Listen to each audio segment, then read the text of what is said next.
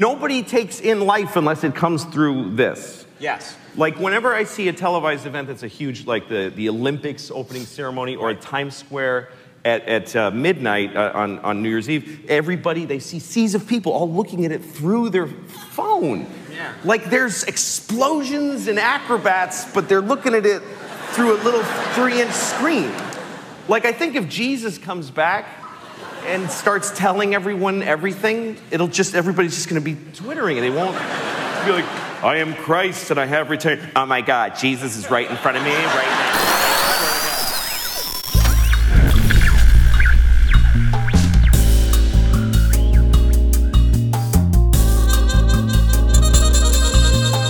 De Zeepkast. Opgenomen zaterdag 9 januari 2016. Welkom allemaal bij aflevering zoveel. Ik heb Negen. aflevering 9. Staat op het scherm hier. Ik kijk nooit over het scherm. Welkom allemaal bij aflevering 9 van de Zeepkast. Jouw bron voor al je science, technology en popculture nieuws. Ik ben Sander en naast mij zit eh, wederom David. Hallo. Hallo David. Jij eh, zit er lekker eh, als een oud omaatje bij. Ja, ik heb het koud, man. Ik zit De- hier de- met een dekentje. En eh, De kou zet dan toch door, hè? ja, jemig, dit is zo, zo weird, man. Dat je... We zijn nu overdag aan het opnemen. Voor het eerst, Ik kom gewoon, We hebben ja, nog nooit inderdaad. overdag Ja, we opgenomen. nemen Ja, altijd s'nachts op. Gewoon om drie uur s'nachts. Ja. Dan komt Sander even langs. Hé, hey, David, opstaan. Podcast. Gewoon random ook, hè? Niet Gewoon. aangekondigd. Kom, trek je uit je bed en dan gaan we podcasten. Nee, nee, omgekeerde wereld. Het is nu juist dat je me be- 's middags mijn bed uitbelt van we moeten podcasten. Ja. Nee, hey, ehm, als allereerste even wil ik al onze luisteraars een eh, heel gelukkig nieuwjaar wensen. En jou ook bij deze.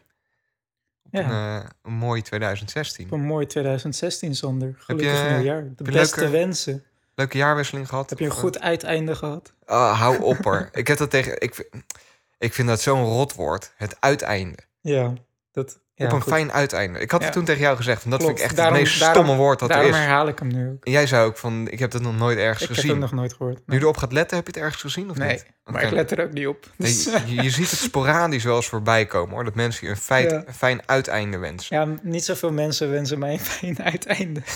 Ja, maar je hebt ook niet zoveel vrienden, toch? Ja. Nee, inderdaad. Nee, wat heb ik gedaan? Ja, niets bijzonders. Ik ben naar mijn ouders gegaan, Ja, wijntje gedronken. En toen als een, als een oud omaatje gewoon weer... Dronken op de tafel staan dansen. Nee, nee, nee, ik heb niks bijzonders gedaan. Ja. Ja. Jij? Ja, even vuurwerk gekeken op de brug. En eh, ik, ik wou Ja, in eerste nice, instantie ook even ook gewoon thuis blijven. Met ook, yo, ik ga toch even ergens een drankje doen. En dat, eh, Oh, nice. dat was wel aardig. Was, Ik eh, zag dat was ze leuk. dat, dat ze, eh, hoe heet dat, de Rotterdam Building is dat? Of hoe heet dat Ja. gebouw naast de De, Euromast? de Rotterdam heet. Euromast, naast de, Naast de de. Rotterdam. ja. Hij heet de Rotterdam. de ja. Rotterdam. De verticale stad van Rem Koolhaas.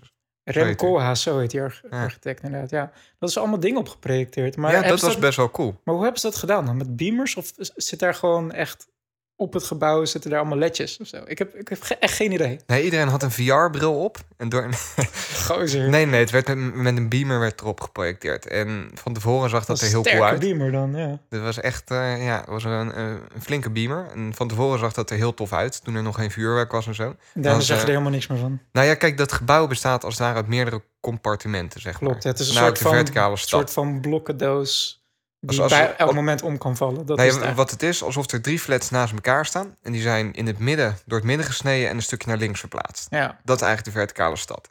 Waardoor je eigenlijk zes, zegt dat goed, ja, uit mijn hoofd zes aparte compartimenten hebt daarin. Mhm. En van tevoren was dat heel cool. Want toen hadden ze ook eh, graphics dat je op ieder compartiment iets anders zag. Tijdens het aftellen Ja. was dat heel vet.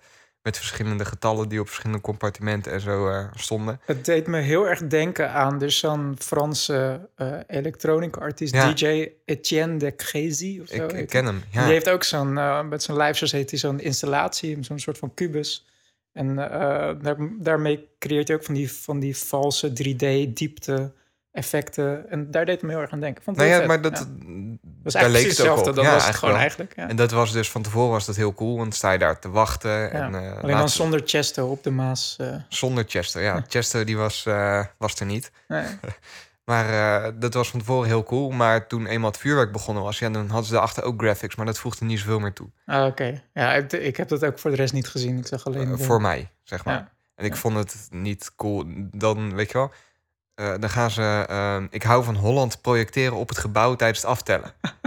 Oh, dit, dit echte tv-programma. Ja, ja, ja. ja. Die, die was live. Ik denk van, ja, hoe erg Serieus? connected zijn we tegenwoordig? Ik ga speciaal naar buiten, zodat thuis... Ik hou van Holland hoef te kijken. Je probeert het te ontsnappen van... Nee, ik wil niet als sta ik daar alsnog tegen de kop van Linda de Mol aan te kijken. Ik denk, ja, jongens. Super mooi. Oh, Ja. wat mooi zeg. Zo, ja. Maar ook- ontkomt- kijk, ze willen gewoon... eh, iedereen probeert televisie eh, te, te ontwijken. Maar ze, ze, Nou ja, ze ik- dwingen het je gewoon op. joh. Ik, ik vond het ook wel jammer, want het was niet gedaan ook voor de mensen die daar stonden. Want er was niet eens geluid, weet je wel? Dus, Serieus, dus het was gewoon letterlijk gewoon Dat- dat- Linda de Mol op, op, op gigantisch gebouw. Ja, Geen geluid. nee. Dus dat was echt puur gedaan echt voor de, voor de tv-beelden. Dat ze, dat ze op tv konden uitzenden dat Linda daar zo live op de Rotterdam eh, geprojecteerd werd. Dan had je wel geluid. Maar als je daar stond, ja, Oh my god. dan, dan voelt het niet zoveel toe. Ik heb minder spijt dat ik, dat ik eh, niet naar buiten ben gegaan. Nou, het vuurwerk was wel, heel, was wel gewoon cool. Ja. Ik stond alleen op de brug en dan kijk je er eh, horizontaal tegenaan. En dan Mhm. lijkt het een heel bekrompen vuurwerk. En ik heb Ja. later beelden gezien van de voorkant, zeg maar. En dan is het ineens veel breder dan dat je gezien hebt. Ja. Dus, eh, maar het, het was, wel, was gewoon leuk. En daarna nog een drankje gedaan en dat, eh, dat was helemaal goed. Cool. Ja. Cool. Ja, en eh, daarna 2016 eh ingeluid, hè. Dus Ja, 1, wat dat ook betekent. 1 januari altijd eh brakke dag. Dus rustig aangedaan. En, Hm. De excessive oliebollen en zo opgegeten. ja, ja, inderdaad. Ja. dus eh, nee, dat was, eh, was prima. Leuk. Ja, toch? Nice. Ja. Dus eh, Maar ja, we zijn nu inmiddels al echt al anderhalve week in 2016. ja. Voelt het anders? Ehm nou, nee, niet. Nee, Nee. Het is eigenlijk ook een raar iets. Dat we hebben bepaald ik- dat... Sowieso, dat he- de hele kerst-winterfeestdagen dit jaar was raar, man. Ja, Het helemaal niet... maar dat is volgens mij ook een, een- een teken van ouder worden. Dat het, ouder worden, come on. nou, voorheen was ik echt twee maanden van tevoren was ik wel enthousiast. En ik ben ook nog eens jarig in december. En dan weet Oh, je wel, dan is dat de maand. Oh ja, gefeliciteerd trouwens nog. 2 december, ja. Dankjewel. Nee, maar dan, dan leef je daar heel erg naartoe. En dan heb je Sinterklaas en kerst en oud en nieuw. En je verjaardag en vrij, want je hebt vakantie. En tegenwoordig, jij heeft er niet eens bij stilgestaan. Werk, geen cadeautjes. Het- Wat het- wil je als cadeautje? Ja, weet ik niet. Het, het was Geld. ineens december en Ja. het was ook zo ineens weer januari. Ja. Dus Ja. eh, Ja, precies, precies. Nou, ik, eh, ik, ik krijg wel een soort van laat afstudeer cadeautje slash feestdagen cadeautje. Een, eh een Moog synthesizer. Daar ben ik echt super excited voor. serieus? Oh, wat ja, vet. is een, eh, een, de Moog Modder 32. Ja. En die is net uitgekomen. Hij is, eh, ik heb hem besteld en hij... Kijk, Je hebt hem ook al besteld, joh. ja, ik heb hem al besteld. Ehm, hij wordt met de hand gemaakt. In, eh, in eh, ergens in, wat was? Nee, het is niet Californië, zitten ze. Geen we, ik zelf op inhaken, met de hand gemaakt. Dat vind ik altijd zo'n holle, Ja, holle term, zeg maar. ja oké, ik snap wat je bedoelt. Maar hij, hij wordt waarschijnlijk gewoon met de hand assembled. Dus dat misschien waar, waar je naartoe wil gaan. Nee, ja, op, nou, ik, ik zal er nu gelijk maar uitgooien. Het zegt niet zoveel. Is iets als het met de hand gemaakt is beter dan als het door machines is gemaakt? Heel goed punt. Ja, zeker. Maar het is... Oké, dan gaan we het ook... Als we die, die kant op gaan... Ja. Kijk, met, met, met, met muziek, eh, vooral met synthesizers zo... En, en in de muziekgear heerst er ook wel heel erg veel voodoo, moet ik zeggen. Dat je echt gewoon... Voodoo. Nou ja, dat je gewoon heel veel betaalt voor Ja. dingen die wat gewoon echt eh, eh, niet waar is, bijvoorbeeld. En in de meest extreme vormen zijn eh, kabels die, die van goud zijn en Plopfilters. plopfilters. Nee, maar echt, weet ik veel, versterkers van 100.000 euro of converters. Het, het zijn allemaal van die kleine dingen die gewoon, naar mijn mening, niet Niet verschil maken. Ze zullen ja. wel een verschil maken, maar niet het verschil, zeg maar. Ja, ja.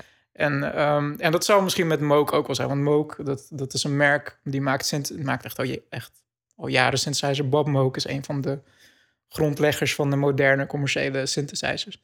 En ehm de heerst, ze zijn een beetje de soort van Mercedes van, van, van synthesizers. Ja. Dus ze vragen gewoon hele hoge prijzen. Ja. Voor, voor ja, op zich best basic, basic dingen. Alleen... ehm, Het is wel goed. Het is goed spul. nou ja, ze hebben een bepaald karakter qua sound. Ja. En eh, op zich ben ik het daar wel mee eens. Maar ze- eh, ze zeggen dus bijvoorbeeld ook van ja, omdat we het met de hand assemblen maken, zo heeft elk individuele synthesizer, die verschilt ook van elkaar. Ja, maar dat is toch juist kut? Dat- ja, precies. We hebben straks een synthesizer besteld en dan klinkt die echt Ja. kut. Ja, nee, dat komt omdat hij met de hand gemaakt is. Nee, maar het, ze hebben het over gewoon minieme verschillen. Hè? Dat ze allemaal net een klein verschillend karakter hebben of zo. Ja.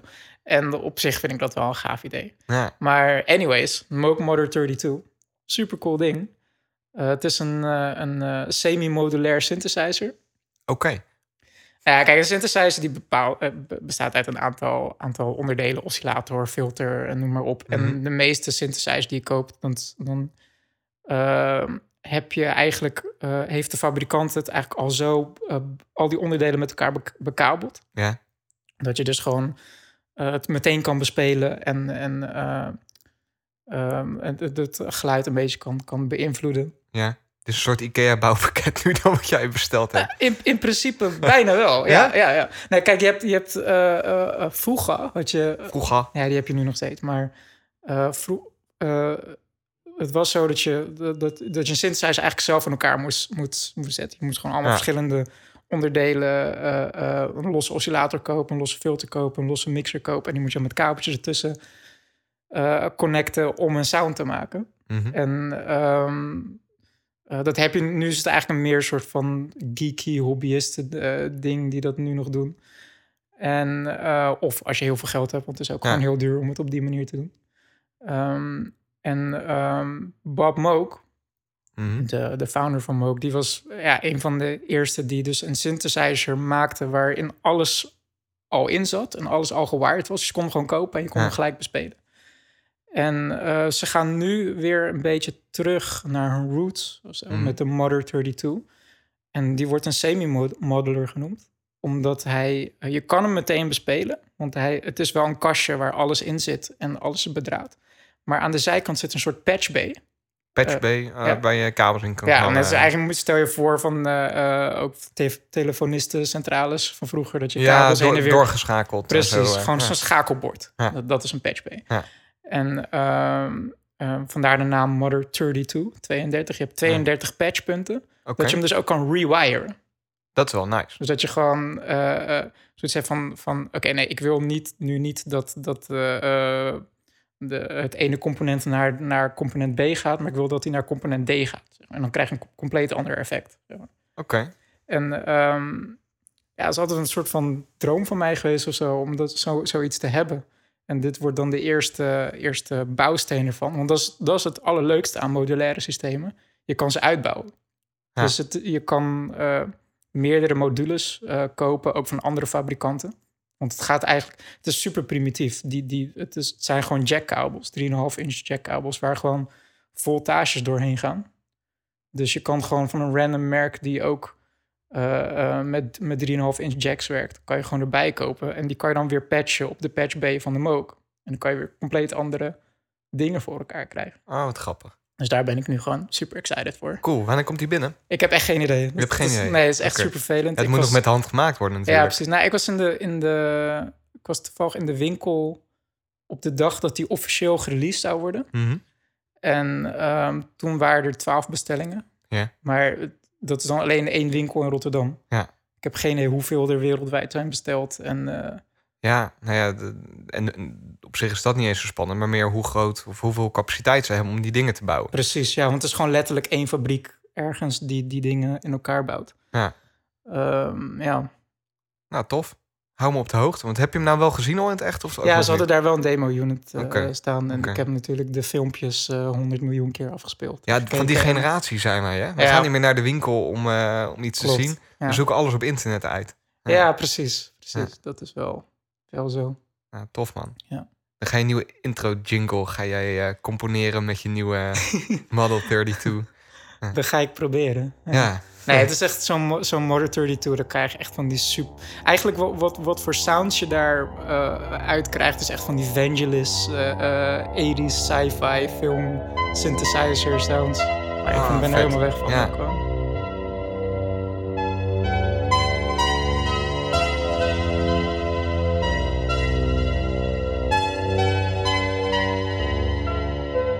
Nou ja, Dat de- is echt, eh, we, gaan het, eh, we gaan het zien. Tof.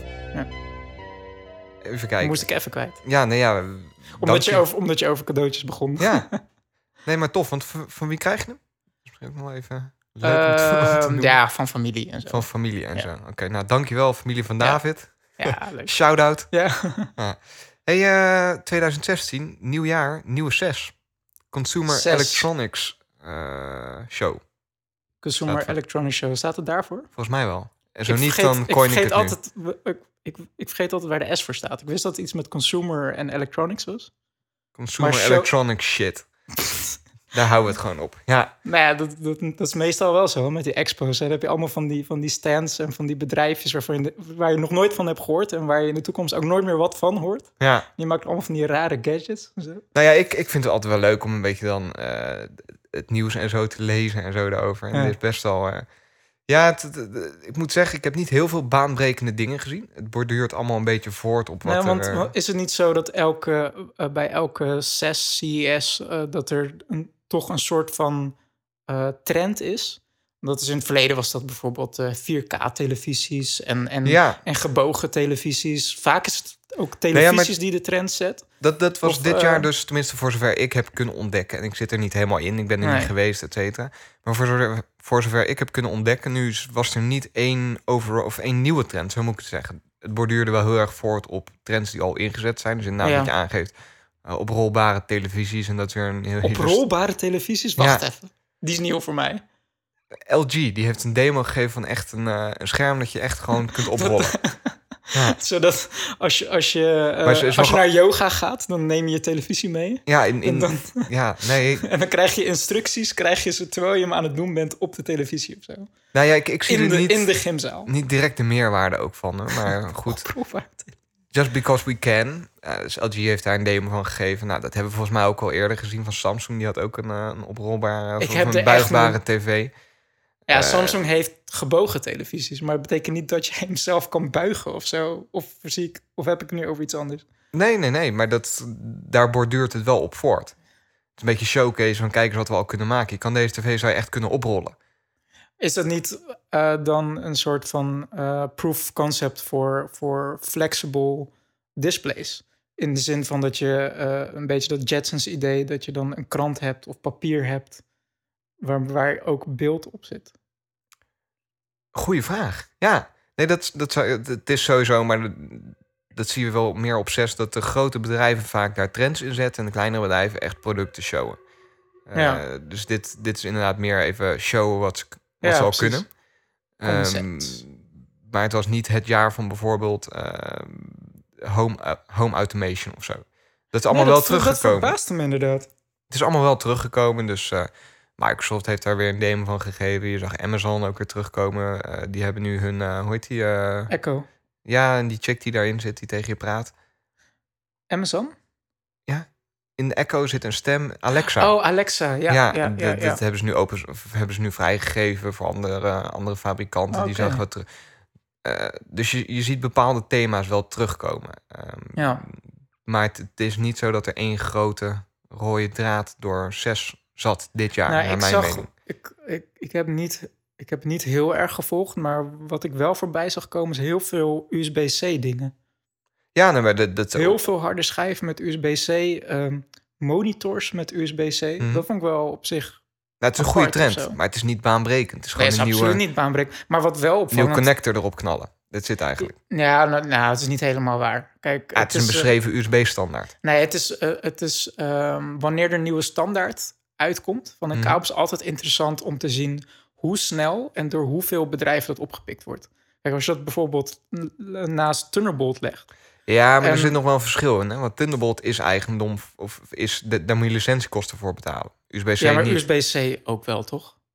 Volgens mij wel. Volgens Kijk, mij want, niet. want Thunderbolt bijvoorbeeld is niet van Apple. Dat, eh, Apple heeft een rol gespeeld bij de ontwikkeling van Thunderbolt. En de, eh, de geruchten zijn dat ze ook een grote rol hebben gespeeld bij de ontwikkeling van USB-C. Mhm. Maar, Maar- Thunderbolt was gewoon, is, is ook gewoon duur. Omdat er gewoon een complete controller chip zit in de, in Nee, maar- de connector zelf. En, en je zag ook gewoon dat, dat toen, toen Thunderbolt uitkwam in 2011... eh, Mhm. ehm, En dan is het altijd interessant, eh, de eerstvolgende CES... van hoeveel bedrijven hebben daar wat mee gedaan. maar is volgens, alleen- mij, is volgens mij niet helemaal waar wat je zegt. Want Thunderbolt is wel degelijk eh, een merknaam en eigendom van Intel en Apple. mhm. En USB-C niet. En dat heeft Apple ook. En dat gelezen. waarschijnlijk bewust gedaan, ja. Dat hebben ze bewust gedaan. Ze hebben ook bewust hun rol niet kenbaar gemaakt in de Mhm. ontwikkeling van USB-C, omdat ze het Ja. in de markt willen zetten als standaard. Dat Ja. bij Thunderbolt is dat niet het geval geweest. Ja, ja Eh. Dus volgens mij betaal je voor Thunderbolt, een betaal je van- hoge licentiekosten. En bij USB-C eh, weet ik niet precies hoe dat zit, maar er zit wel een degelijk verschil tussen. Dus wat jij zegt is eigenlijk niet dat, dat eh, ehm, de uitrol van USB-C nu soepeler gaat. Niet omdat de fabrikanten de veel meer meerwaarde zien in USB-C dan in Thunderbolt. Maar dat de, po- de politics gewoon Het- het is een- gunstiger ligt. Het is een daadwerkelijke open standaard. Ja, En Ja. dat was met Thunderbolt niet zo. ja. Ehm, maar goed, dat is op zich ook niet zo heel spannend, Ja. USB-C. Het is wel fijn dat het allemaal komt. En dit is wel waar we naartoe gaan. Maar het is, het is wel voorspelbaar allemaal. Nee, maar wat, wat me wel opviel was dat er ook veel monitors uitkomen met USB-C. En eh, kijk, het is inderdaad, eh, USB-C is de eerste USB-standaard die ook eh, video support Ja. als uitgang. Maar hoeveel mensen kopen tegenwoordig nou een monitor? Ehm, ja, ik niet. En, en ehm, ik, ja, ik weet, ik vind dat toch. ehm, ik zou het logischer vinden als, als ze met een standaard, zoals bijvoorbeeld AirPlay of zo, dat ze gewoon met een standaard komen. Dat er gewoon monitors zijn op plekken, openbare plekken of bij je thuis, waar iedereen gewoon als het ware op kan inloggen naar kan Air- AirPlay. Ik vind het zo'n eh, bijna Oud denken, achter, ach- oud ja. denken achterhaalt iets om nu monitors te maken met een kabeltje of zo. Ja, ik, ik, ik snap wat je bedoelt. Ehm, maar het, het zijn volgens mij twee trends die tegen elkaar inlopen. hè. Mhm. Je hebt aan de ene kant inderdaad alles moet wireless, alles moet Ja. steeds minder bedraad, et cetera. En Ja. daar speelt de USB-C dus een beetje op in. Want je Ja. hebt nog maar één kabel nodig voor al je, al je datatransfer. Ja, Eh, zij het stroom, zij het video, eh et cetera. Eh, aan de andere kant heb je de trend van 4K, 5K, naar steeds meer pixels, steeds meer data. Ehm, ja, ja, en dat kan je natuurlijk niet. eh, Dat wordt wel lastig om door de lucht door te gaan sturen. En dat zet ook alleen maar door. ja. Eh, dus het is een beetje kiezen of delen daartussen, denk Ja. ik. Ik zag, wel- ik, ik zag wel iets voorbij komen, omdat je nu begint over, over ehm, hoge resolutie video streamen. Mhm. Ehm, compleet sidetrack. Maar Netflix, die is Ja. ook bezig met, met soort van algoritmes schrijven. Die, eh, die gaan ehm, echt kijken eh, hoe druk het is op het scherm, in het beeld, in de Ja. video. En op basis daarvan gaan ze dus hun compressie Aanpassen. gaan ze aanpassen op basis van wat er gebeurt. Ik vond het wel heel slim bedacht. Ja, terwijl wel, ja, Iets wat in de audiowereld eigenlijk echt al, al heel lang gebeurt met, met variable bitrates en MP3. Maar dat Ja. wil nu ook naar video. Nee, het is wel slim. Als je een heel zwart scherm hebt, dan hoef je niet 100.000 Precies. pixels Ja. zwart door te gaan Ja. geven aan data. Ja. Nee, handig. Ja. Nee, voor, voor de rest dus CES. En wat ik altijd het leukst vind aan CES zijn gewoon eh, alle zooi die er weer voorbij komt. Er Ja, weer is 100 altijd zo. 100.000 hoverboards gezien. En dat was op een gegeven moment... Hover, ja, ach, ze moeten ook kappen met die naam hoverboards. Ze hoveren niet. Nee, ja. Het is, het, is, het is een plankje op wielen. Het Ja. is geen hoverboard. Come on, echt. ja, maar goed, dat, dat vind ik leuk om te volgen. En eh, de- er was weer eh, op zich ook een trend die al, al poosjes ingezet. Ik zag een, eh, een BH voorbij komen waar dan allemaal health eh, trackers in zitten en zo. Nou, dat, dat is wel, dat vind ik geinig. Zo Quantified self. Ja, nee, dat, dat, dat vind ik leuk aan CES. Dat je al die, die, die, die onzin dingetjes voorbij ja, dus komen. dat, die bedrijven waar je nooit van hebt gehoord en waar je ook nooit meer van zal horen. En wat ik, en dat, dat vond ik nog wel grappig. Ik zag ook één gadget voorbij komen. En eh, dat, dat ondersteunt voor mij wel. Ik denk dat techniek een hele hoop politieke problemen ook kan oplossen. En dan gaan we misschien gelijk een beetje de diepte in. Maar er kwam een gadget Mhm. voorbij waar die op een, op een pistool of op een geweer eh, kon, of, kon, kon gezet kon worden. Ja. Met een soort vingerafdruk erin. Die Mhm. alleen kon vuren op het moment dat jouw vingerafdruk herkend werd. Dat is eh, wat eh, James Bond heeft in Casino Royale. Ja, dat. En dat sluit wel mooi aan op de trend of Obama die nu heeft geroepen Ja. van... eh, Als je dat koppelt inderdaad aan eh, eh, ehm, dat, die background checks van mensen. en dat, dat vind ik wel mooi aan techniek. Dat het heel veel problemen op kan lossen in persoonlijke levenssfeer. Maar dus ook echt wel grotere probleemstukken. Oeh, ik voel echt nu een gigantisch bruggetje naar een boek die ik eh, wil bespreken in, eh, in deze podcast. Maar daar komen we later op terug. Ja? Dat, eh, Dit brugje niet al maken? Ehm, nee. Nee? Nee, Oké, nou, er komt zo meteen een bruggetje aan, luisteraars. ja. nee, maar dat, dat vind ik wel mooi eraan. Dat je ook ziet dat techniek heel veel problemen op kan lossen. ja, Snap wat ik bedoel? Hou me in je achterhoofd. Ja, nee, ik, ik vind het lastig om Ja. dat heel concreet onder woorden te ja, brengen. ik maar- snap wat je bedoelt. Kijk, met wat ik daar nu op zou zeggen is... ehm, het is technolo- net als met wetenschap, met... met ehm, het, het, is, het is afhankelijk hoe je het gebruikt. Het kan heel veel oplossen, Mhm. maar het kan ook heel veel problemen Ja. weer creëren. Dus het is een soort... En in, in dat opzicht, in mijn gevoel, cancelt, cancelen die twee dingen elkaar ook een beetje uit of zo. Dus eh, snap je een beetje wat ik bedoel? Ja, ik, technologie lost een hoop op, maar er komen ook problemen bij. Maar er komen, komen heel veel ander soort fundamentelere vragen dan weer, weer, weer bij kijken. Van, eh, ehm, als we dat nu, nu betrekken op jouw voorbeeld van eh, een- dat een pistool alleen werkt bij op een bepaald persoon, Mhm. eh, dan wordt het dus nog belangrijker van hoe wordt er bepaald en wie bepaalt er wie een wapen mag, mag handelen. Ja. Het is gewoon een kwestie van eh, dat je geen strafblad hebt bijvoorbeeld. Maar ja, dat betekent nog steeds niet dat je geen psycho bent. Nee, true. Weet true. je, kijk, ik, eh, ehm, kijk, ik wil niet de ik wil hier gewoon geen politieke podcast van maken. Ja. Maar eh, ja, gun control, ik vind dat echt. Kijk, het, het zijn apparaten. Het, het enige doel, het enige design van zo'n apparaat is iemand het, het leven ontnemen. Dat Ja. is eigenlijk als, eh, eh, eh, als je iemand schiet en die persoon gaat niet dood, heeft eigenlijk de pistool in zijn functie gefaald. Daar komt het gewoon op neer. ja. Weet je? En dan, eh, ehm, ja, dat, dat is zo'n zo'n macht die je dan hebt. Ehm, dus dat, ja goed, ik, ik ga er niet verder over. Nee ik- maar volgens mij staan wij daar ook hetzelfde in. Ja, en ja. er staat een groot deel van Nederland staat daar ook zo in. Ja, goed. Maar, goed, dat wou ik even. ja, nee, maar dat, dat soort dingen komen dus heel veel voorbij op zes. Van die leuke gadget dingen. En Ja, ik, ik, ja. ik zou er wel een keer naartoe willen. Eh, want het lijkt me gewoon erg leuk om daar, eh, om daar eens rond eh, te koekeloeren. Ehm, ik, ik weet niet hoe dat gaat met CES. Is dat zo? Het is sowieso meerdere dagen. Is het niet zo dat, dat, eh, dat het voor een aantal dagen alleen eh, open is voor eh, handelaars en dat, dat eh, niet elke dag open is voor het groot publiek? Of? Weet ik eigenlijk niet precies. Zover heb ik het nog niet uitgezocht. Want ik ben ooit ook een keer naar Music Mess geweest in Frankfurt. En Ja. dat was eigenlijk een soort van expo, maar dan voor alle eh, muziekinstrumenten. Mhm.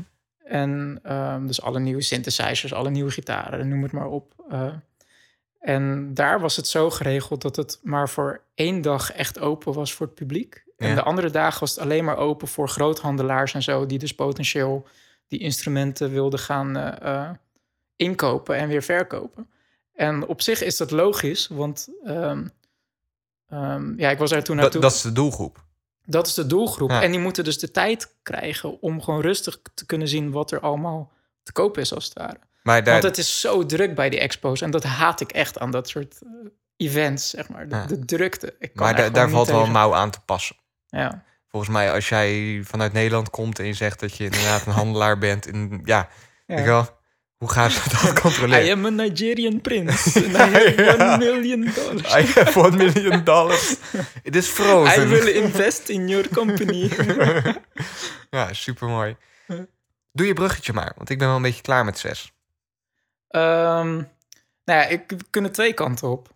Want er is iets heel tofs gebeurd bij CES. Ja, En dat is eh, een, de autofabrikant eh eh, Faraday Future. Faraday Future, niet Ik heb- Future ik heb hem Faraday. bijna gezegd, ja. En eh, eh, eh, technologie en wat voor effect dat heeft op de maatschappij. En dat is het boek wat ik wil gaan bespreken. Dat is The Circle van Dave Eggers. Ja, volgens mij hebben we hem eerder gepitcht ook, hè? Nee, nee volgens mij heb ik, heb ik het alleen maar privé met je over gehad. Ik heb hem nog nooit tijdens de podcast gezegd. Oké, oké. Nou, weet je wat, David? Het is jouw keuze, hè? Wa- waar wil je het over hebben? Zeg het maar. Ehm, nou ja, de, dit staat het bij, CES. Eh, tijdens CES is er een, eh, een auto onthuld van een vrij jonge, jong bedrijf, Ja, ik had er nog nooit van gehoord. Faraday Future. En ehm, zij hebben hun, hun eerste conceptcar Mhm. eh, uitgebracht. En Eh, dat is een sportwagen die... eh, het is eigenlijk gewoon een e- elektrische auto. 100%. 100% Helemaal. een EV gewoon. En ehm, het zijn best veel interessante dingen over. Ehm, Als, als eerst, waar komen zij vandaan? Ik heb nog nooit van ze gehoord en ze komen Klopt. daar ineens. En ze, want dit was eigenlijk het nieuws van CES. Dit kwam je overal tegen. En, ja. Ehm, ja, waar komen ze vandaan? Sowieso bestaan ze pas 18 maanden. Oké, Dus het is echt nog een heel jong bedrijf. maar dan moet daar geld in zitten. Tuurlijk. Investors, noem het maar op. Ehm, ik, ik weet even niet de, de, de, de CEO, eh, de oprichter. Zijn volledige naam is me even ontschoten, maar zijn voornaam is Nick. Nick. En hij heeft wel een... Jij mag hem Nick noemen. Ik mag hem Ja. Nick noemen. Ehm, hij eh, heeft best wel een flinke eh, naam in, in, in de autowereld. Hij heeft, voor, hij heeft voor Porsche gewerkt. Hij heeft voor Tesla gewerkt. Mhm. En hij is nu dus zijn eigen bedrijf begonnen. Future Faraday. Faraday Future. dat was één. Ting! Ja, ja, Ja. precies. ik ga het heel vaak ga ik het verkeerd zeggen. Ik vind het ook een moeilijke naam, moet ik zeggen. Ik vind het wel een coole naam. Ik vind het een moeilijke naam. Nou ja, het is ook wel een lastige naam. Om... Ja, ik heb een Ford. Wat voor auto heb jij? Ja, ik heb een Faraday Future. Ja. Het ligt niet lekker in de mond, zeg maar. het wordt, het, geloof me, het wordt heel gauw wordt het FF. Ja. Dat is ook een logo, hè? Twee F'en. Ja, Foo? Fighters. Ja. het heeft me ook heel lang geduurd om die twee F'en te zien in het logo, Ja. trouwens. Maar goed. Ehm, ik heb recentelijk van gehoord, omdat ze een aantal maanden geleden... hebben ze eigenlijk voor het eerst eh, in de grote pers... hebben ze eh, zichzelf kenbaar gemaakt via The Verge. Ja. Ze hebben mensen van The Verge uitgenodigd om in een, eh, in een laboratorium te kijken... en om een rondleiding te geven en om hun visie een beetje te geven. En dat, dat was eigenlijk ehm, misschien nog wel interessanter wat er daar toen verteld werd dan de, de uiteindelijke onthulling van hun eerste auto. Ja, ja, hij is Wat- nog niet echt onthuld. Het is, het is weer een beetje warm maken natuurlijk. Precies. Ja, dit, eh, ze hebben nu dus een sportauto uitgebracht, de FF01. Mhm. En dat is gewoon puur een sportwagen, puur concept. Wordt, kan je niet kopen, wordt niet, gaat niet geproduceerd worden. Eh, ze hebben ook gezegd dat hun eerste productieauto's... echt, dat, ligt nog een aantal jaar nog in de toekomst. Ja. Dat, dat is echt nog niet eh, volgend jaar of zo. Dan is het wel moeilijk om de aandacht zo lang vast te gaan houden hoor. Ja, Tesla heeft het ook gedaan. Ja. Tesla heeft het ook vijf jaar... Die Tesla is gestart in 2003, als ik me niet vergis. Ja. Heeft ook echt wel vijf jaar geduurd voordat zij met een eh, Een eerste echte eerste auto. zijn gekomen. Want een auto produceren... Dat Kost is tijd. Dat, ja, maar dat is ook echt gewoon moeilijk. Gewoon op meerdere vlakken. Ook distributie en... Dus is eh, wel lastig. Ja, nou, ja, ja, ja, produceren. ja, zeker. Ik heb gisteren nog geprobeerd. Het Ja. was niet helemaal gelukt. Ja. Nee. Maar ehm, sowieso concurrentie is goed. Maar ik vind dat zij een aantal dingen ehm, wel echt op een hele interessante manier bekijken. En dat zie je ook al in het eerste filmpje van The Verge. Met het Mhm. interview met Nick. Ehm sowieso, ze benaderen het hele ontwerpproces. Proberen ze zo modern en toekomstgericht eh, eh, te benaderen. Ehm, bijvoorbeeld de designers die zijn aan het experimenteren met Oculus Rift. Ja. Dus dat ze met zo'n Oculus Rift bril en controllers... dat ze zo eh, aan het ontwerpen zijn... en, en ook een soort van kunnen uitproberen... hoe dingen eruit gaan zien en voelen als je erin zit en zo. En dat zie je nu ook, die gedachte zie je nu ook een beetje terug... met, een nieuwe, met het eh, introductiefilmpje. Op YouTube staat Ja. er een, eh, Heb ik gezien ook. een eh, virtual reality 3- 360 video staat er. kan je bekijken dat je dus echt in de cockpit zit. Ehm, maar ten eerste heb ik meer het gevoel bij Faraday Future, FF, dat Ja. ze ehm, de, de nieuwe auto, de auto van de toekomst, Ja. het product en zichzelf als company meer zien als een, als een computer, bijna als een smartphone. Nou ja, de auto's zijn ook steeds meer computer natuurlijk. Nou, de elektrische auto, dat wordt gewoon eigenlijk een smartphone op wielen. Ja. In principe. Ehm, de, Nick, de, de founder van FF, heeft het bijvoorbeeld... ehm, eh, ze, ze proberen ehm, het niet te benaderen als wij worden een bedrijf die auto's gaan verkopen. Mhm. Maar het, het gaat bijna een soort... het wordt bijna een soort dienstgerichte bedrijf. Ja. Ehm, Nee, ik, ik, ik zit er nu over na te denken. En op zich, de term smartphone is eigenlijk ook al niet meer helemaal accuraat. Nee. Bedoel, een nee. telefoon, hoe vaak bel je er nog mee? Het Precies, het is gewoon een computer. Ja, Ja. precies. Maar een, een, een elektrische auto wordt ook gewoon een computer. Ja. Gewoon op wielen. En inderdaad, dus daar heb je gelijk in. Van dat het is, dus, dus wat we nu een smartphone noemen... is eigenlijk gewoon een computer die we gebruiken om te communiceren. Het is gewoon je En- zakcomputer, ja. Ja, maar om in contact te staan. En dat wordt de, de auto van FF ook. Want Nick heeft het er bijvoorbeeld over van... eh, hij, heeft het eigenlijk, hij vindt het eigenlijk niet eens zo interessant om te hebben over... eh, ja, de, de, hij heeft zoveel eh, range en... ehm, O- er passen zoveel ja. mensen in en, en eh, snap je? Kan zoveel koffers kun je meenemen. en, Precies. ja. Want dat zijn allemaal dingen, dat, dat, dat, zijn, dat wordt in de toekomst gewoon opgelost op verschillende Ja, manieren. dat is niet zo waar, hij het over heeft, is dat eh, omdat het een, een computer is, Mhm. als je het zo gaat benaderen. ehm, wat nou als je in je auto stapt, de auto weet wie je bent en die weet gelijk waar je naartoe moet, van wat voor muziek je houdt, waar je op dat moment zin hebt om naar te luisteren.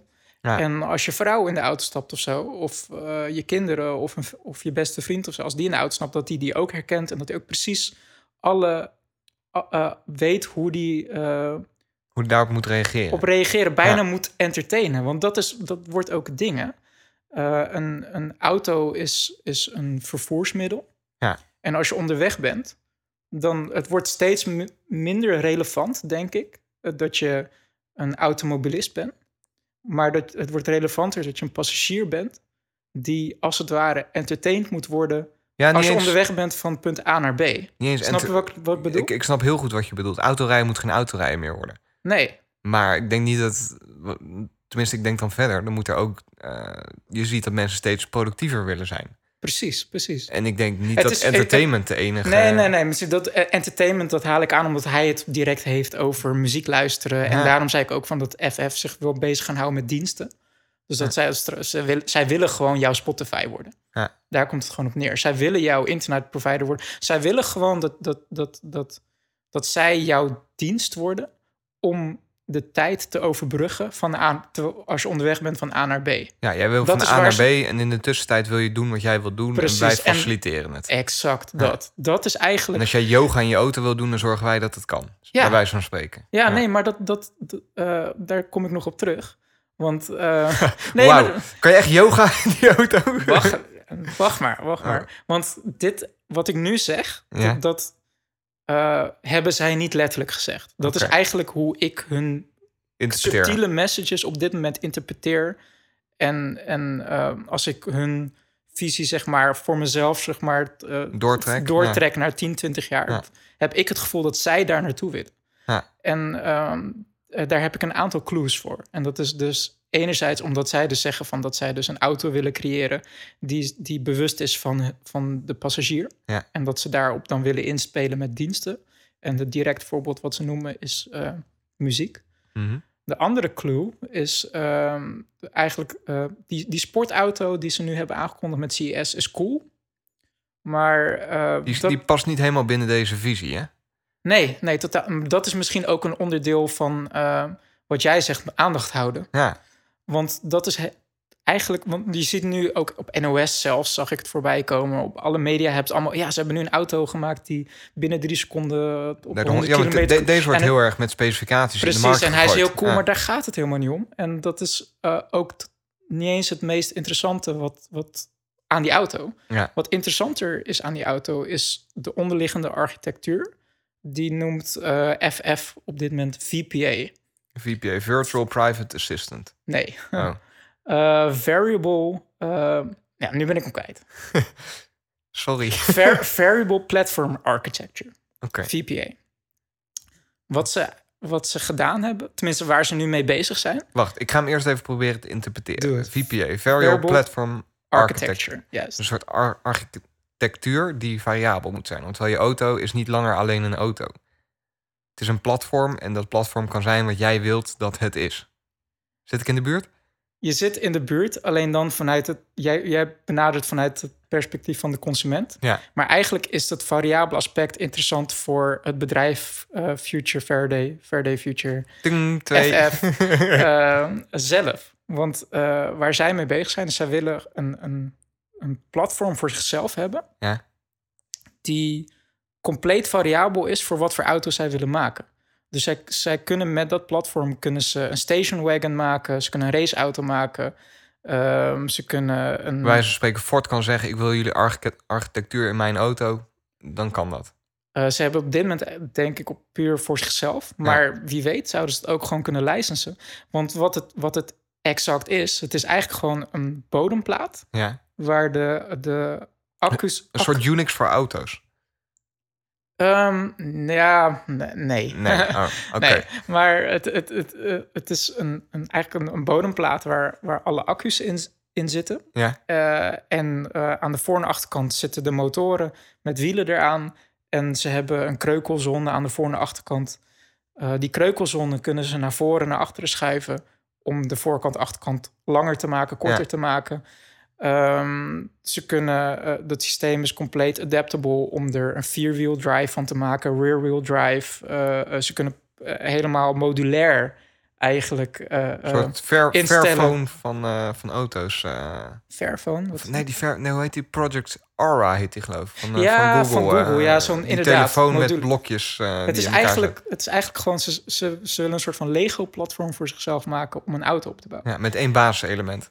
Precies. En de accu's, eh, dat zijn eigenlijk le- bijna letterlijk een soort van Lego-blokjes. En dan Ja. kunnen ze een bodemplaat maken waar vier rijen accu's zitten. Ze kunnen de auto langer maken, dan maken ze acht rijen met accu's.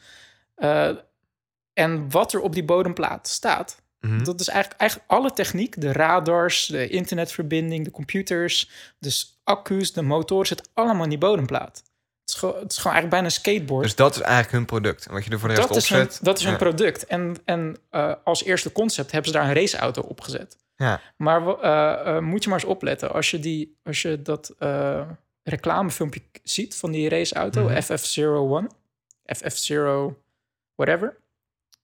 Ehm, dan zie je dus, oké, die, die, die auto die rijdt over wegjes, supercoole muziek Ja, en zo. hij rijdt. Ja. Hij rijdt, hij werkt.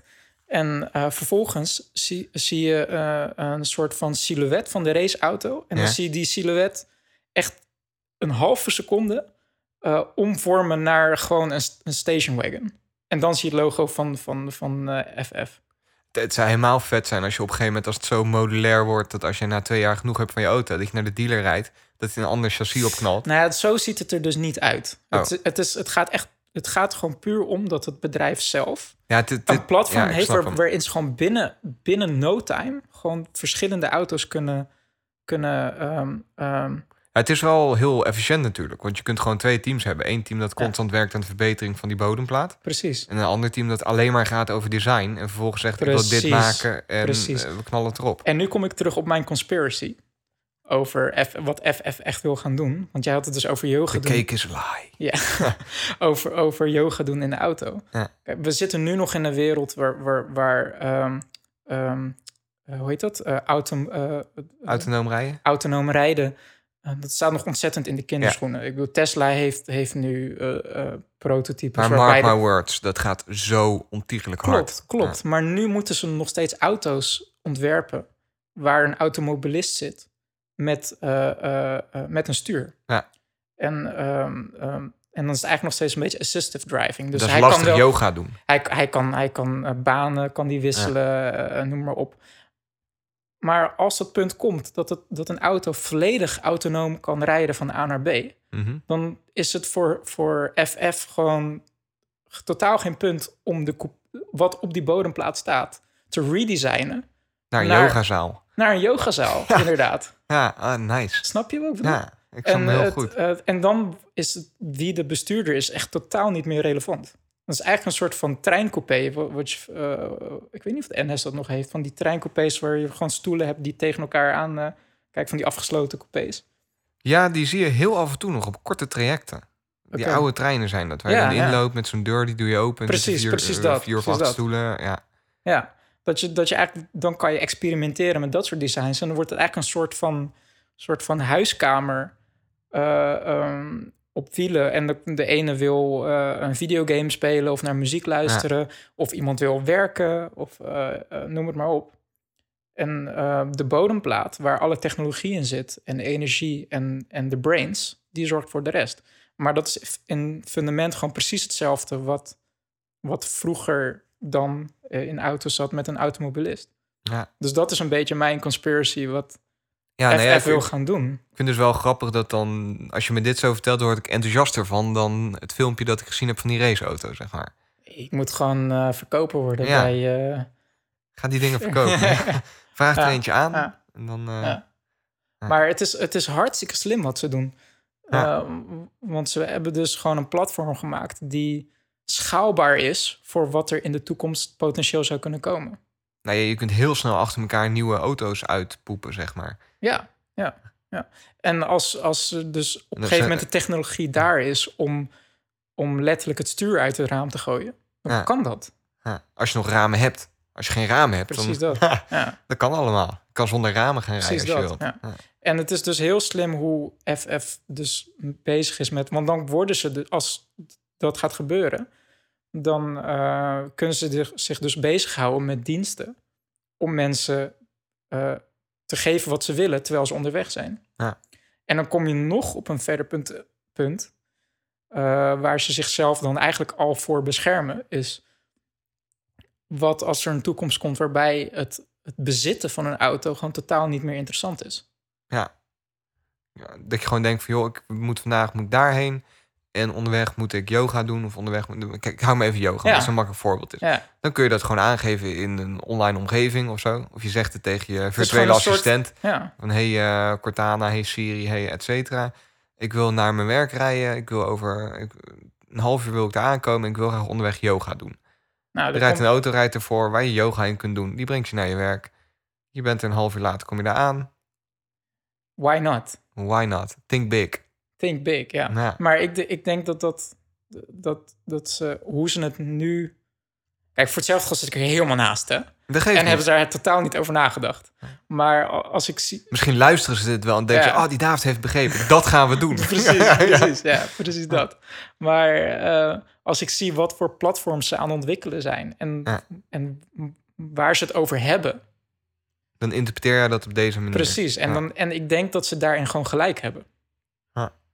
En eh, eh, net, net zoals hoe BlackBerry en Nokia op dit moment totaal niet meer relevant zijn, omdat een compleet andere tak in de technologie eh, dingen heeft overgenomen. Ja. In de mobiele sector. Zo zou dat ook in de auto, Ja. automotieve wereld Nou, kunnen gebeuren. Is Als- in feite al aan de gang natuurlijk. Tesla, Ja. nee, je hebt dus een, dan komt hij weer te sprake, Tesla, maar ele- Nou, elektronisch rijden, dat is booming. En je ziet dat Tesla is een beetje de auto voor nu al. ja, Dat kan nu Nou, de weg op, Tesla dat werkt het- heel goed. Tesla heeft, toch, heeft, heeft het fundament gelegd voor, voor accu's. En Faraday Future, die eh, denkt nog voorbij Die dat. trekt, hem, die trekt het door. En die denkt over vijf of tien jaar, waar zijn we Ja. dan? Ja, ja. Ja, spannend. Dus dat, ehm, ja, dat wou ik even kwijt daarover. Maar voor hetzelfde geld wordt dit iets wat nu big is en je hoort er over twee jaar niks meer over. Zou kunnen, hè? Gebeurt wel vaak Nou ja, met dit soort... eh, Trust me, voordat, voordat eh, Faraday Future een auto echt op de markt heeft, het gaat nog wel echt vier jaar duren. ja, ja. Gaan wij het nog vier jaar over hebben bij de zeepkast. Ja, wie weet. Ja. Nee, het is wel... Place your bets. Zit ja, ik er goed of... Nee, het is wel... daar hadden we het... het is wel ook een beetje gevaarlijk, hè? gevaarlijk? Dat één bedrijf dan al die informatie van jou in handen heeft. Ja, de circle. Ja, nee, wat ik net Ehm, zeg. Ik ga naar de, wc situatie, en dan gaan we het over de circle dan gaan we het over de circle Ja. hebben. Ja, helemaal goed. Oké. Pauze! Yo.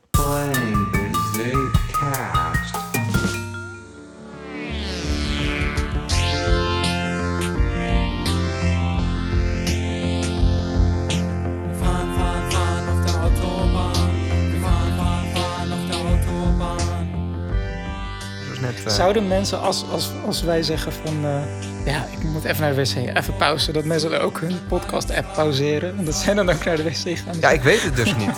Zijn er mensen die dat doen? Dat is wel, wel een goeie. Vast niet. Gaat moeilijk in een auto heel, heel nodig naar de wc moeten en zitten. Ah, het is bijna pauze, het is bijna pauze. Ah, gelukkig. En hem dan op stop zetten. Hoe freaky zou het zijn als wij het echt precies zo timen... met allemaal mensen precies langs een tankstation rijden. Ah, ideaal moment. Maar dan ook gelijk even... Ja, zou je dat freaky vinden?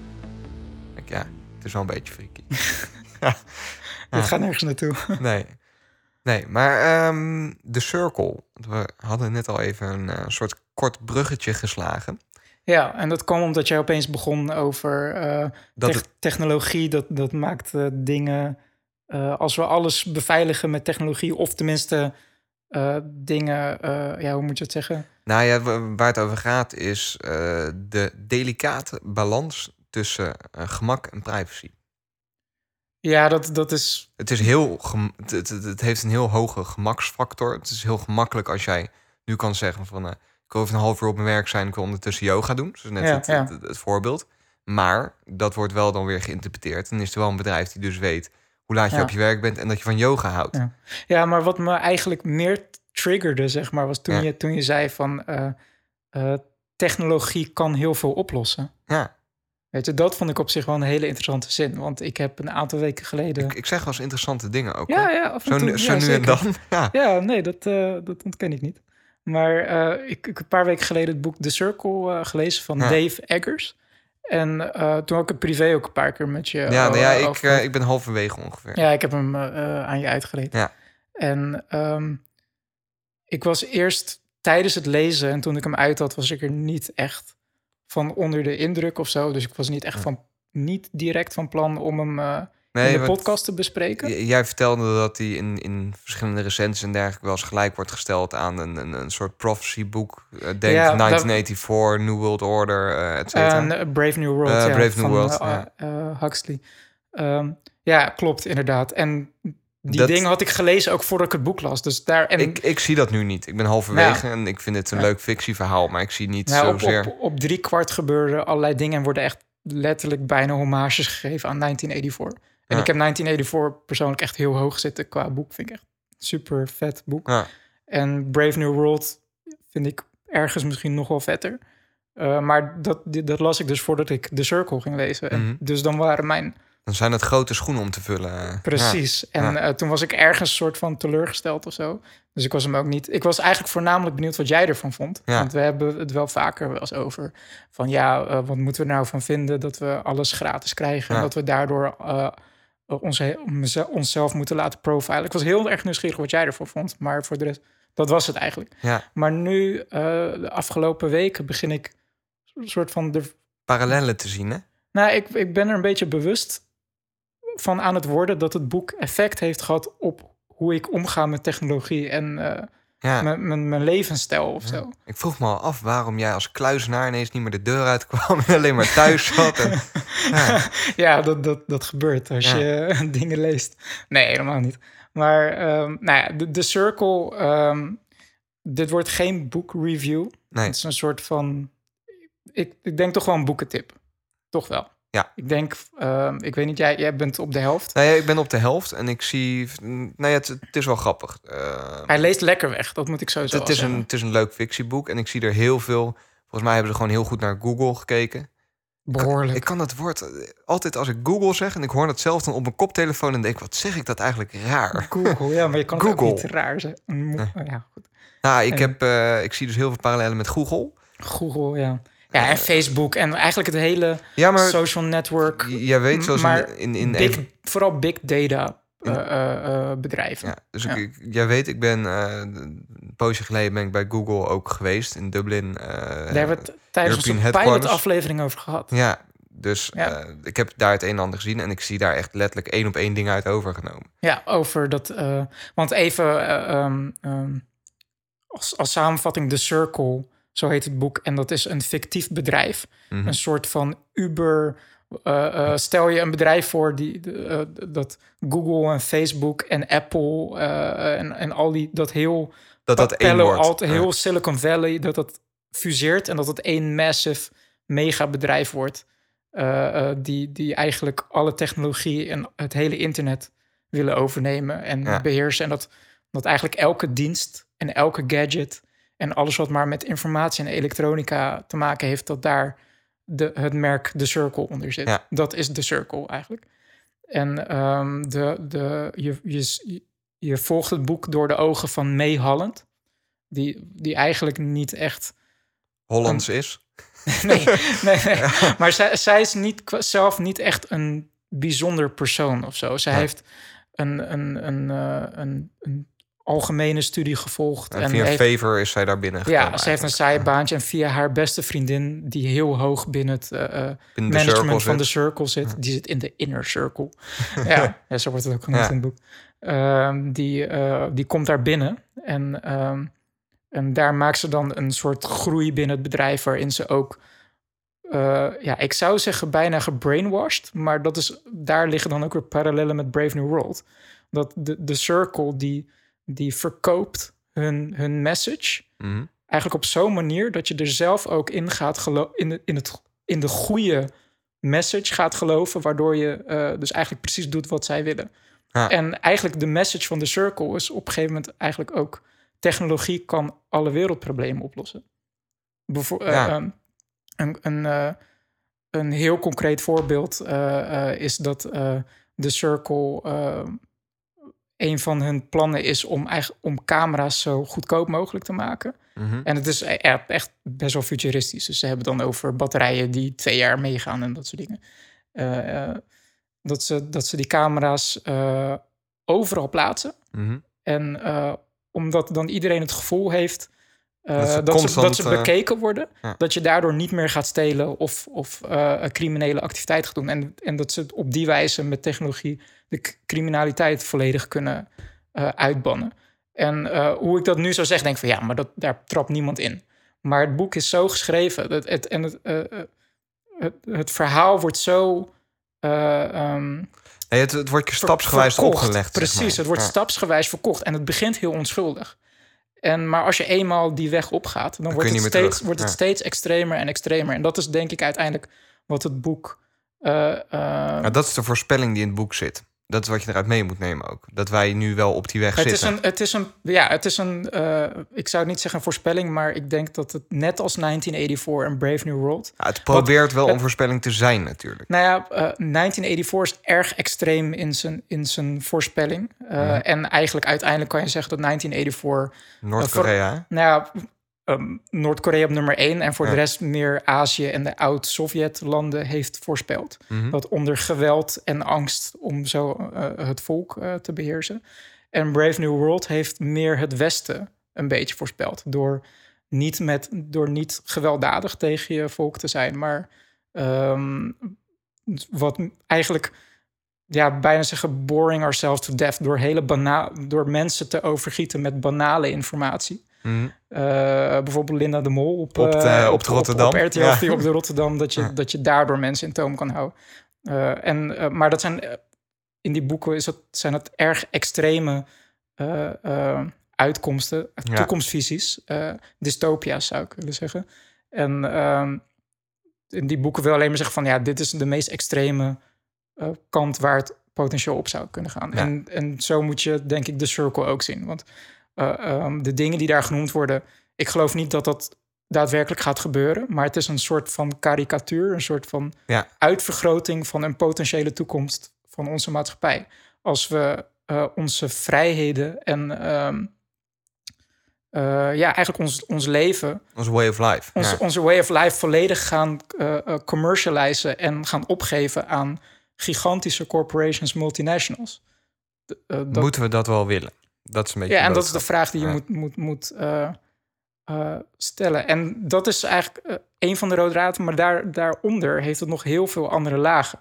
En bijvoorbeeld over, ehm, is het goed dat wij alles constant weten? Bijvoorbeeld, en, en dan moet je denken aan bijvoorbeeld, is het, is het goed dat je constant weet waar je familie en vrienden en vriendin en noem het maar op, waar die zijn. En eh, dat als je bijvoorbeeld een berichtje stuurt naar een persoon en die reageert niet meteen, dat je dan gelijk in paniek raakt van ja, waarom reageert hij nou niet? Ja. En wat Dat- is hij aan het doen? Dat is wel een werkelijkheid waar we nu al zijn. Hè? ja, precies. Kun en jij dat je wordt- voorstellen dat jij iemand, eh, dat je in de trein zit en je kunt niet even laten weten, ik ben wat later. Ja, Terwijl dat eh, tien jaar geleden helemaal niet zo raar was. ja, ja, precies. Dat is wel bizar hoe dat, snel dat, dat is, is gegaan. heel snel gegaan. Ja. En dat is ook een van de ondertonen die in het boek zit. En ik, ja, ik merkte gewoon dat het ook in mezelf dat het, eh, ja, je wordt er gewoon niet gelukkig van als je zeg maar constant eh, eh, ingeplucht zit in society. Ja. Waarin je eigenlijk constant weet wat iedereen aan het doen is. En Dat is, is wel het is mooi gewoon dan, niet oké of zo. want jij vertelde me ook, je, je hebt nu dus oud en nieuw gevierd bij je ouders, maar je had Ja. me wel verteld van, dat je misschien het plan had om gewoon in de auto te stappen, middle of nowhere te rijden en daar zo. eh, ja, ja, dat was een soort van... eh, dat, dat was een Eh, beetje een, bra- anti-reactie hierop, om- omdat je zei van, ik, ja, ja, misschien komt het ook voort uit het boek, inderdaad. Weet ik eigenlijk niet. Maar het zou me niks verbazen. ik, ik leg ben- zo, ik zie zo de link wel hoor, dat, Ja, jij, dat ja. je zoiets hebt van, joh, ik hoef even niet te weten wat iedereen aan het doen is en Ja. ik hoef niet geconfronteerd te worden met iedereen's geluk en iedereen's Precies, happiness, precies, eh, precies. want Het het, is voegt voor mij niks toe. Exactly that. Het is oké om dingen niet te weten. Ja. Eh, dat is een, een thema. Een ander thema is... eh, ehm, is het oké dat, dat we naar een wereld toe gaan... waar al onze handelingen, Mhm. dat dat voor altijd opgeslagen is? Ja. Dus dat alles wat je doet, elke foto die je, die je maakt... elke app die je verstuurt... dat het eh, forever zal leven in de big... invisible internet cloud. Ja. Dat alles voor altijd opgeslagen zal zijn. Ik heb, ja, ik, dat heb ik eh, al heel lang eigenlijk al ingesteld. Ehm, in iMessage dat eh al mijn berichten na x aantal dagen, al Mhm. mijn gesprekken, dat die automatisch verwijderd worden. Want het is, voor mij is communicatie is gewoon, dat moet in het nu plaatsen. En dat hoeft niet meer, als het gebeurd is, dan is het gebeurd. En Ja. dan heeft het voor mij geen interesse meer om terug te kijken eh, wat, wat, wat er in het verleden is gebeurd of zo, of gezegd is. Does that make sense? Ja, ik, ik snap het en wel. dingen zoals WhatsApp en zo, die, die, die voegen vrij weinig toe aan, Nou ja. aan dat hele... Ik, ik denk dat het ook te maken heeft met welke communicatievorm je daarvoor kiest. Want inderdaad, eh, Ja. WhatsApp, iMessage, et cetera, dat zijn vluchtige communicatie. Ja. Daar denken mensen ook niet zo goed na voor, voordat ze er iets op zeggen. ja en dan precies. kun je iemand daar in feite altijd mee blijven eh, confronteren. Ja. Ehm, terwijl mail, als ik een mailtje opstel, daar denk ik over na. ja, klopt. En ja, mails, ja, ja, precies. mails die sla ik wel op. Ja. Dus misschien dat daar nog wel een, voetnoot bij te plaatsen valt. ja, klopt. Maar dan weer in de circle, zeg maar. Eigenlijk alles, elke informatieflow zal voor altijd opgeslagen worden. Ja. En dan gebeuren er dingen in die vluchtige momenten dat je er even niet over nadenkt. En dan gebeurt iets je van, oeh, dat had ik eigenlijk niet moeten doen. Of dat had ik niet moeten zeggen. Ja. En dan zegt de circle, ja, maar dat is voor ons een doodzonde om eh, iets te verwijderen. Doen we niet. Ja. Dat, dat is, information should be free. Weet je. En, Direct eh, lijntje naar Google ja, weer. ja. Ja, zo is het wel. Zo zijn, en ja, ik kan er heel lang over doorgaan. Want het is heel grappig dat ik, ik... Eerst was ik niet zo enthousiast over het boek. Maar als, het is een soort van... Als ik er weer verder over ga nadenken... Van, ja, er zitten wel echt dingen in. Wat me eh, ook, ook over dat, dat, dat het niet kunnen loslaten... van wat iedereen eh, aan het doen is. Hè? Ja. Ehm, ik was laatst was ik, naar de bioscoop geweest. Naar Spectre. Mhm. Oh, wat een slechte film was dat zeg. Oh my god. Het is... eh, kunnen we het ooit een keer over hebben. Waarom? Ja, Want jij, hebt, jij, hebt, nee, jij hebt hem nog niet gezien. Maar Nee. er zijn wel dingen wat er interessanter over is. Oké. Maar, dus misschien moeten we erover hebben als jij hem ook een keer hebt gezien. Mhm. Anyway, ik zat in de bioscoop. En toen zaten er eh, twee meisjes naast mij. Er zaten nog eh, twee, drie lege stoelen tussen mij en hun. En ja, wat zullen ze geweest zijn? Twintig of zo. En eh, die zaten wel de film te kijken. Ze, je hoorde aan hun reacties dat ze wel de verhalen heen Ja. volgden. Maar ze zaten ook een soort... Ze zaten onder een jas Ja. zaten ze door de hele film ook met hun mobiele telefoon. En de hele tijd te grinniken over, weet ik veel wat ze aan het doen zijn, eh, eh, Facebook of aan het appen met andere mensen. En dat was ook. En dan denk ik van, my god, kan je niet even twee uur je telefoon op stil zetten, in je zak stoppen en een film kijken. En dat je in die twee uur gewoon even niet weet wat er in de buitenwereld gebeurt. Ah. Dat vond ik zo erg. Ik was echt. Nee, het, het erge daaraan is, is eh, kijk, niet, niet in zo'n mate, maar dat ik wel merk dat ik mezelf daar ook schuldig aan maak. Ja, Dat ik ook voor een film nog even zit op, op mijn telefoon. Ja. Als daar een film afgelopen is, het eerste Ja. wat ik doe is mijn telefoon pakken, kijken wat ik gemist heb. ja.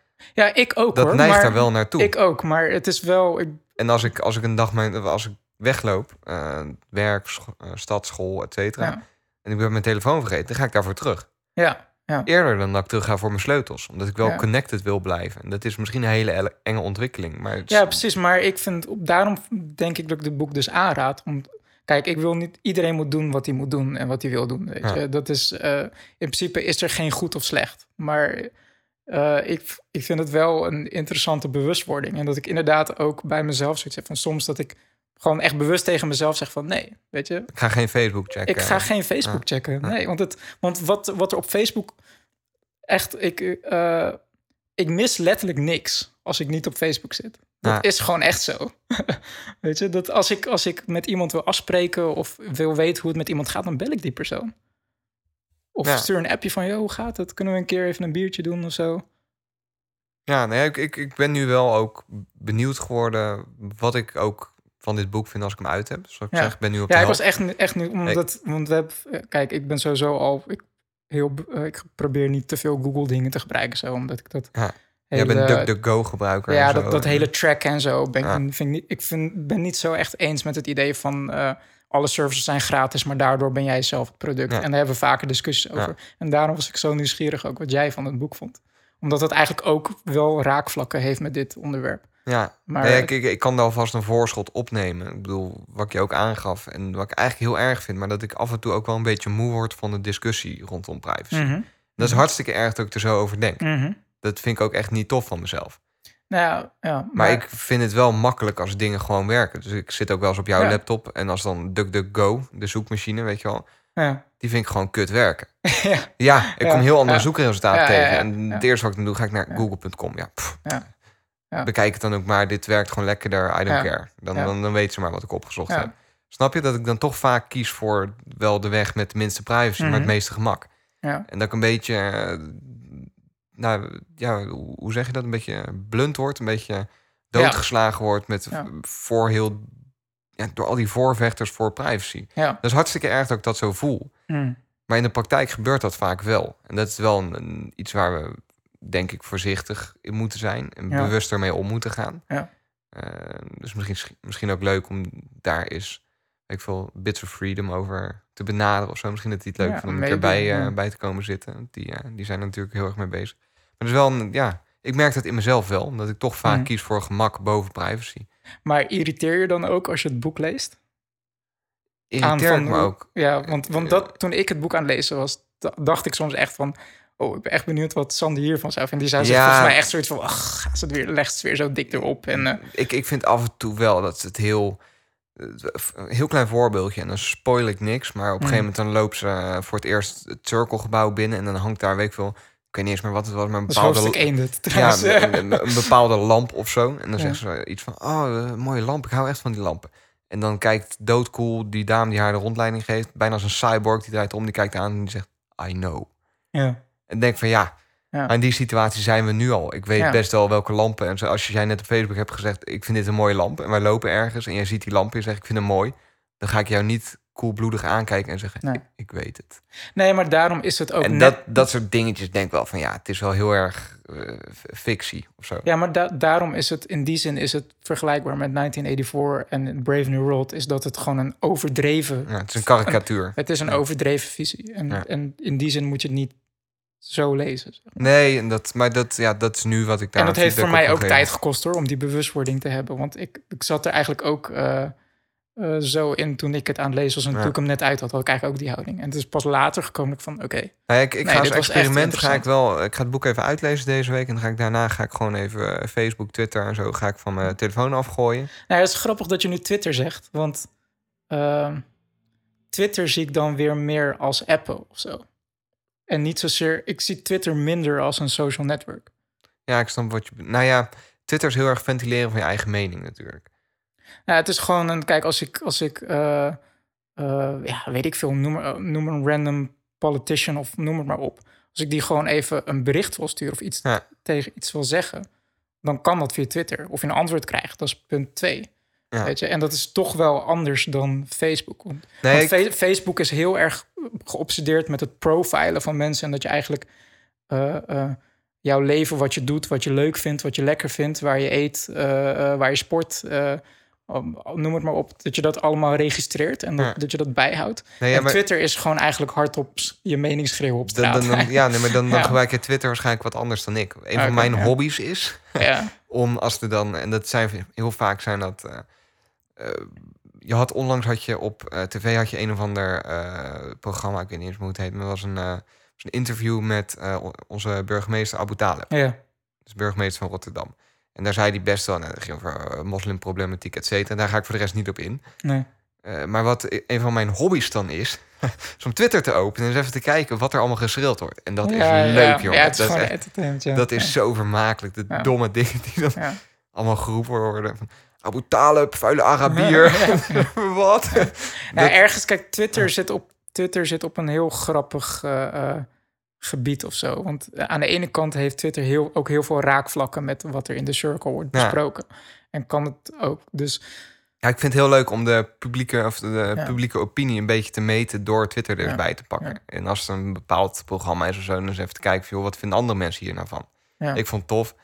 Maar je merkt wel dat de schreeuw lelijk echt de boventoon voeren dan. ja, maar ja, En dat zijn vaak de mensen die het hard schreeuwen, die het minste verstand ervan hebben. democracy. Democracy, ja. Ja, Dus, eh, Maar eh, trouwens, dem- democratie komt ook voor in het boek trouwens, hè, de circle. Ja? Ja. Ehm, ga ik niks meer over zeggen, want dat vind ik wel een spoiler. Maar ehm, verderop in het boek komt ook, wordt ook politiek, het probleem eh, van politiek, democratie en stemmen en gehoord worden en zo, wordt ook door de circle tussen ter, haakjes, op, ter discussie gesteld. ja, eh. tussen haakjes opgelost door technologie. Oké, nou, tof. Dus eh, Ja, ja, dan dan dus denk ik dat we... leuk boek. ja. Ga hem lezen als je zin hebt. Ik ga hem ook even aflezen. Ja, en, eh, ja, en voor de duidelijkheid, ik ben niet anti, ineens anti-technologie geworden. Nee. Omdat ik nu als, Het een, zou wel grappig zijn als een hermit in een hutje ga wonen. En, grote baard laat staan. ja, Ja. precies. Het zou wel ironisch zijn als we nu al onze kijkers of al onze luisteraars oproepen om hun mening over de circle te delen via Facebook. Nee, ik ga, ik Dus- ga dat niet lezen. dus doe dat maar niet. Ja, Ja. dus dan, eh, nee, dan denk ik dat we, dat we zo weer een. eh, het was volgens mij een iets kortere dit keer. Nou, wel volgens mee? mij is het wel gewoon weer echt gewoon zoals ouder. Gewoon een uur, een kwartier, uur, twintig minuten. Ja, nou ja, de zeepkast Geen podcast idee, van een uur. zoiets. Ja, Het is whatever. gewoon, ja. Ja. Het is wat het is. Het is wat het is. Het is ja. wat het is. Dat is zo mooi. Niet te veel over nadenken. Nee. Nee. Lieve luisteraars, eh, we hopen dat jullie eh, weer genoten hebben van al onze hersenspinsels en brain farts en eh, gedachtegangen. Wil je ons bereiken met je eigen interessante hersenspinsels, gedachtegangen of andere leuke weetjes of minder leuke weetjes die je graag eh, kwijt wil? Je weet hoe je ons kunt bereiken. Gooi er even een, eh, een Google of een DuckDuckGo zoekopdracht uit op eh, de zeepkast. Dan kom je heel eind. Social media, mail, et cetera. Dan rest mij niks dan jou te bedanken, David, voor wederom een mooie aflevering van de Zeepkast. Ja, bedankt Sander. Ja, geen probleem. En we zien jullie over twee weken weer. Lieve luisteraars, live long en prosper. Ciao.